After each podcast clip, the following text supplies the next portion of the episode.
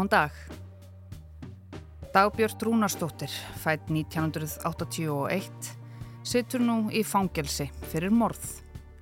Hún er ákærð fyrir að hafa myrt sambílismann sinn á hrottafengin hátt. Hún verðist hafa pyntaðan til dauða. Dagbjörn neytar sök í málinu þó að það liggi eiginlega alveg ljóst fyrir að hún sé seg. þar sem það eru til óvenju skýr sönnunargögn í málinu. Upptökur. Morðið var framið í bátávogi síðasta haust og þingfesting fyrir hérastómi var um miðbygg síðasta mánadar. Þetta var óvenju hrottafengið morð, það fymta á síðasta ári. Við sögu kom líka smáhundur í fristi, myndbandsupptökur og einar hrottafengnustu lýsingar sem hafa komið fram í ákjærum hér í setnitíð. Ég heiti Sunna Valgerðardóttir og morðið í bátavogi verður helst í dag. Maður á 60 aldri sem fannst látin í heimahúsi í Bátavogi í Östurborg Reykjavíkur á lögutaskvöld fyrir einu og hálfri viku var myrtur. Gæslu var þald yfir konu sem var handtekinn vegna mandrópsmáls í Bátavogi í september hefur verið framlengt til 7. desember. Dagbjörn Rúnastóttir sem er ákjærð fyrir að hafa sveift mann lífi í Bátavogi í Reykjavík í september hefur kert úrskurð hér á Stóms Reykjavíkur þess efnis að yfirmatt skuli gert á geðransókn sem hún sætti til að meta hvort hún sé sakhæf. Í fyrra mati var hún metinn sakhæf. Þetta staðfestir Artrúður Þórarinsdóttir saksóknari hjá héraðsaksóknara við fréttastofu. Dagbjörn er ákjærð fyrir að hafa orðið manni að bana í bátavogi 23. september. Tilstóð að dómskveðja matsmenn til að framkama yfirmati í dag en því var fresta þar sem úrskurður héraðstóms um yfirmati hefur verið kerður til landsréttar. Það var á lögardeginum 23. september í fyrra sem Karlmaður á 60 aldrei fannst látin í íbúð í Bátavogi í Reykjavík. Bátavogur er hluti af nýja vogakverfinu, vogabyggð, austan, sæbröytar. Það leið ekki langur tími frá líkfundunum þar til lögreglan gaf út að andlátið væri rannsakað sem morð. Þetta gatt hún fullirt. Maðurinn var með mikla sínilega áverka á líkamannum, það fór ekkit á milli mála að þarna lægi fyrir raukstutur grunur um saknæmt aðhæfi. Og það var manneska í haldi, sambíliskona, hins látna. Lögregla hefur til rannsóknar mandráp þar sem kerða er undir sterkum grunn um að hafa valdið brotaþóla bana á heimili kerðu í Reykjavík þann 23. september síðastliðin. Það kvöld var lögregla og sjúkralið kölluð að heimili kerðu eftir óskennar um aðstóð vegna þess að brotaþóli andaði ekki. Brotaþóli lá á gólfi íbúðurinnar og var hafinn endur lífguna honum sem bar ekki árangur og var hann úrskurðaður látin skömmu síðar. Einungis brotaþóli og kerða voru á heimilinu þegar lögregla kom þar að. Svo hefst ákæra hér að saksóknara í málinu gegn dagbjörtu. Það var þingfest fyrir hérastómi Reykjavíkur um miðjan síðasta mánuð en það voru ímis atriði sem gerðu það verkum að málið vakti mikla aðtegli fjölmiðla. Til dæmis fannst dauður smáhundur í fristi í íbúðinni og það þótti heldur óvenjulegt að það hefði verið tekið sérstaklega fram hjá lauruglu. En síðan kom í ljós að það var rannsakað hvort að hundurinn tengdist málinu á einhvern hátt. Krupning leiti í ljós að hundurinn hafi ekki verið drepinn. Það var eitthvað málum blandið fyrstum sinn. Það var nefnilega greint frá því að konan hefði sakað mannin sinn um að hafa eitrað fyrir hundinu. Rætt var við kerðu á vettfangi. Greindi hún frá því að brótaþóli væri búin að vera slappur og orkulös síðustu daga. Hann væri jafnframt sídettandi og stæði vart í fæturna. Tekin var skýrsla af kerðu þann 24. september, hvaðst hún lítið muna eftir umrætum degi en myndi þó eftir einhverjum átökum á milli hennar og brótaþóla. Aug þess sem hún hvað brótaþóla hafa verið með sjálfskaða hugmyndir og reynda valda sjálfum sér áverkum. Hvað hún kerða hafa látið öllum íllum látum inn á heimilinu og haft í hótunum við hana. Aðspurð kannast kerða ekki við það að brotaþóli hafi verið í átökum við einhvern annan inni á heimilinu. Þetta lág allt saman frekar ljóst fyrir. Eftir því sem rannsókn málsins vatt fram kom betur og betur í ljós hversu hræðilegur glæpurinn var. Fyrirlikjandi myndbönd sem bera með sér að kerða hafi vísvitandi beitt brotaþóla líkamsmeyðingum og grimmilegri meðferð í aðdraðanda andláts hans hafa verið borin undir kerðu. Tjáði hún sér lítið um þau en gengst við því að þetta sé hún á myndböndunum. Þetta var nefnilega mikið til á upptökum. Í gæsluvarðhaldsúrskurðinum segir að við rannsók málsins hafi tvö vittni greint frá því að dagbjörnt hafi verið að beita hinn látna ofbeldi að kvöldi 22. september. Rætt hafi verið við nágranna í húsinu sem heyrðu læti og öskur í karlmanni. dagana 22. og 23. september. Fyrir likur fjöldin allur af myndböndum og hljóðupptökum frá 22. og 23. september síðastliðnum tekin á síma brotaþóla og kerðu. Myndefnið er um 2,5 klukkustundað lengt og nær yfir tímabil frá háti á förstu deginum 22. september til rúmlega eitt næsta dag. Í myndböndunum má sjá og heyra kerðu valda brotaþóla ítrekuðum líkamsmeyðingum, líkamlegum sársöka og þjáningu.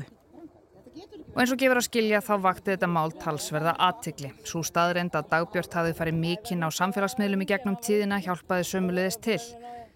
Þá er þetta bara tvei löffræðingur sem þurfa að rökra um þetta sko. DFF byrti til að mynda frétt þar sem segir að á Facebook síðu dagbjartar hafi verið til myndband frá haustinu 2020 þar sem sínir nágranna erjur í húsi þar sem hún bjó áður með sambilismanni sínum. Myndbandið er ennað finna á síðu dagbjartar. Það er nokkuð óljóst allt saman og virðist sína mann ganga niður stiga, fara inn í hjólagemslu í kjallara, gangaða rámakstöflu og íta upp einhvers konar leka liða. Þá kemur annar maður að honum, hrópar að honum ókvæðisorð og myndbandið leysist upp í handalögmál og milli mannan að trakja. Og D.F. greinir líka frá því að þetta hafi allt saman gerst í fjölbílishúsi við Básbryggju en þar byggu dagbjörnt og maðurinn hennar heitinn. Það greinilegt á viðtölum fjölmiðla við nágranna parsins að þau hafi bæði verið djúft sokkin í fíknefnaneyslu og átt í miklum vandræðum í töluverðan tíma. D.F. frætti við nokkra sem byggu í Básbryggju á sama tíma og þau fyrir nokkrum árum í kringum 2017. Hann gætt farið miklum hamförum hér í samegninu og brotið og bramlað inni á sér. Hann var samt alltaf mjög kurteis við mig ef ég þurfti að eiga orðið við hann. Þá kom hann alltaf mjög vel fyrir og hann var alltaf vel til hafður. Þetta var mjög erfitt sambíli. Hann var mjög erfiður í samskiptum og þau voru bæði mjög veik vegna fíknefna neslu. Það var rosalegt álag á alla í samegninu að þurfa að búa með þeim. Það var mikill næturháaði, hann var með tónlist í botni á öllum tímum sólarhingsins, hann var mikill háaði og það var verið að bera inn og út fíknefni, það var sölustarsemi. Þau voru líka með kannabisræktun í íbúðinni sem var stór skemmt eftir þau, sangat þeim sem að tók við íbúðinni. Þessi síðasti nágranni telur að lauruglan hafi komið hátt í 15 sinnum vegna parsins og sérsveit þrísvar til fjóru sinnum. Það hafi aðlega verið vegna háfaða og áttaka innan íbúðarinnar en líka vegna fíknefnabrota. Aðrir nágrannar lístu sambílinu sem martröð, segir Djefaf. Þegar einhver er svona veikur að fíkn þá ert ekki að takast á við manneskjuna heldur sjúkdóminn. Manneskjan er ekki lengur inn í þessari skél sem hún er orðin. Þetta er allt saman rosalega sorglegt, segir einn. Og bæði dagbjörnt og maðurinn hennar heitinn eru með nokkra dóma á bakinu eins og gengur með fólk í þeirra stöðu. Og með þeirra stöðu er átt við fólk sem hefur barist í fíknefnaneslu árum og áratugum saman. Þetta er nefnilega harður heimur og getur endað hræðilega. Samkvæmt endalegri niðurstöðu og réttarkrupningu ljast maðurinn af völdnum köpnunar og þá hafði innvortis blæðing spillandi áhrif á súrefnisnæringu til heilans sem var til þess fallið að stuðla enn frekar að köpnuninni. Grípum aftur niður í ákjöruna. Gerð var réttarkrupning á brótaþóla þann 27. september. Á líkinu voru miklir áverkar dreifðir yfirbors áverkar við svegar um líkamann og þó nokkur beinbrott, meðal annars í nefi, hálsi, fingrum, rifbeinum og sköplung. Þá var töluverð innvortis blæðing í axlarvöðvum og í lærvöðva. Útlitt áverkana benda til þess að þeir hafi komið til við aðför annars manns, hefð minsta í formi högga eða sparka í andlit, klof og ból, höggs í vinstri fótleikin og taks um hálsin. Engir sjúkdómar komið fram við krupningu sem skýra andlátið. Þá er það álit réttarlæknis að áverkarnir séu langflestir ferskir og hafi komið til skömmu fyrir dauðan eða á áður liðnum sólaring. Bera rannsóknargögn málsins með sér að kerða hafi á því tímamarki veist með ofbeldisfullum hætti að brótaþóla. Þann 3. oktober 2023 bast lögreglu stöðu uppfersla frá réttarlækni vegna krupningarinnar þar sem meðal annars koma fram upplýsingar um töluverða áverka á höndum og fingrum. Þetta hljómar kannski allt eins og lýsing réttarlæknis í skálduðum sakamála þætti en þetta er alls ekki skáldskapur heldur frásögn úr íslenskum samtíma. Samkvæmt rannsóknargögnum bendir yfirbræð áverkana til þess að brótaþóli hafi orðið fyrir flóknum, sljóum krafti sem hafi komið í mismunandi plönum og bendir skoðun til þess að honum hafi verið beint að líkama brótaþóla sér í lagi munnsvæðinu, hálsinum, efri hluta bólsins, sem og nýtmiðað að gerfurtum, kinnfærum og höndum. Dagbjörn pintaði manninsinn til dauða. Hún landan, sparkaði í hann, þrýsti á andlit hans, klof, líkama, handleggi og fótleggi. Hún tók hann hálstakki og snýri upp á fingur hans. Og síðan kom framhaldsákerran sem var lögð fram við þingfestingu málsins 19. janúar. Þar segir að maðurinn hafi látist af völdum köpnunar vegna ytri kraftverkunar á hálsin og efri öndunarvegin eins og það var orðað. Hann kapnaði. Kerða fór í réttar læknisfræðilega skoðun og var með fjóra daufa marbletti en að öðru leiti áverka laus. Réttar læknisfræðilegri rannsókn málsins er ekki lokið en á þessu stígi bendur hún til þess að brotaþóli hafi orðið fyrir döðsfalli vegna áverka og afleiðinga áverka þó svo að tilteknar dánar orsakir hafi ekki fyllilega verið staðfestar. Ekki er talið að hlutur etanól eitrunar vegi þungt í þessu samhengi. Rannsókn málsins er á lokastegum og verður málið sendt ennbætti hér að saksóknara á næstu dögum. En Dagbjörn neytar sök og hún hafnar sömu leiðis skadabótakröfum sem á hana eru gerðar og þær eru tvær, hvorum sig 8 miljónir króna auk skadabóta vegna útfararkostnaðar. En við þingfestinguna kom fram að Dagbjörn hefði líst sjálfri sér sem verkfæri djöfulsins í samtölum við samfanga sína. Þá sagði hún hinn látna hafa eignað sér bissuna sem var notuð til þess að drepa Ólof Palme fyrir um fórsættisráð þeirra svíþjóðar. En saksóknari gerði kröfu um að sakhæfið dagbjartar verði metið en hún hafnar þeirri kröfu og verjandi hennar segir ekkert benda til þess að nýtt mat myndi sína aðra niðurstöðu en þá sem þegar liggur fyrir. Hún er metinn sakhæf. Verði dagbjart sakfælt fyrir morð á hún yfir höfði sér 16 ára fangelsi.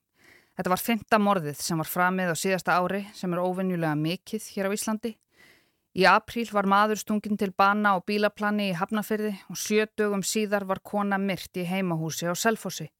17. júni var maður stungin til bana í Hafnarfyrði og viku síðar lést maður eftir líkamsáros í miðbænum. Og svo, 23. september, var maður pintaður til bana í Bátavogi. Þetta eru fimm morð. En það sem aðverð þessu nýja ári hefur eitt andlát komið á borð lauruglu. Það bárust bara fregnir af því í gær. Og nú rétt fyrir hádegi kom tilkynning frá lauruglunni þar sem segir að kona um 50 hafi í gerðkvöld verið úrskurðið í gæsluvarðhald til miðvíkudagsins 7. februar á grundvelli rannsóknarhagsmuna í þáu rannsóknar á andláti 6 ára barns í Kópavogi í gerðmorgun. Og eins og gefur að skilja verður ekki fjallað meira um það hér í byli. Ég heiti Sunna Valgeradóttir og hryllingurinn í Bátái var helst hjá mér í dag. Takk fyrir að leggja við hlustir og við heyrumst aftur á morgun.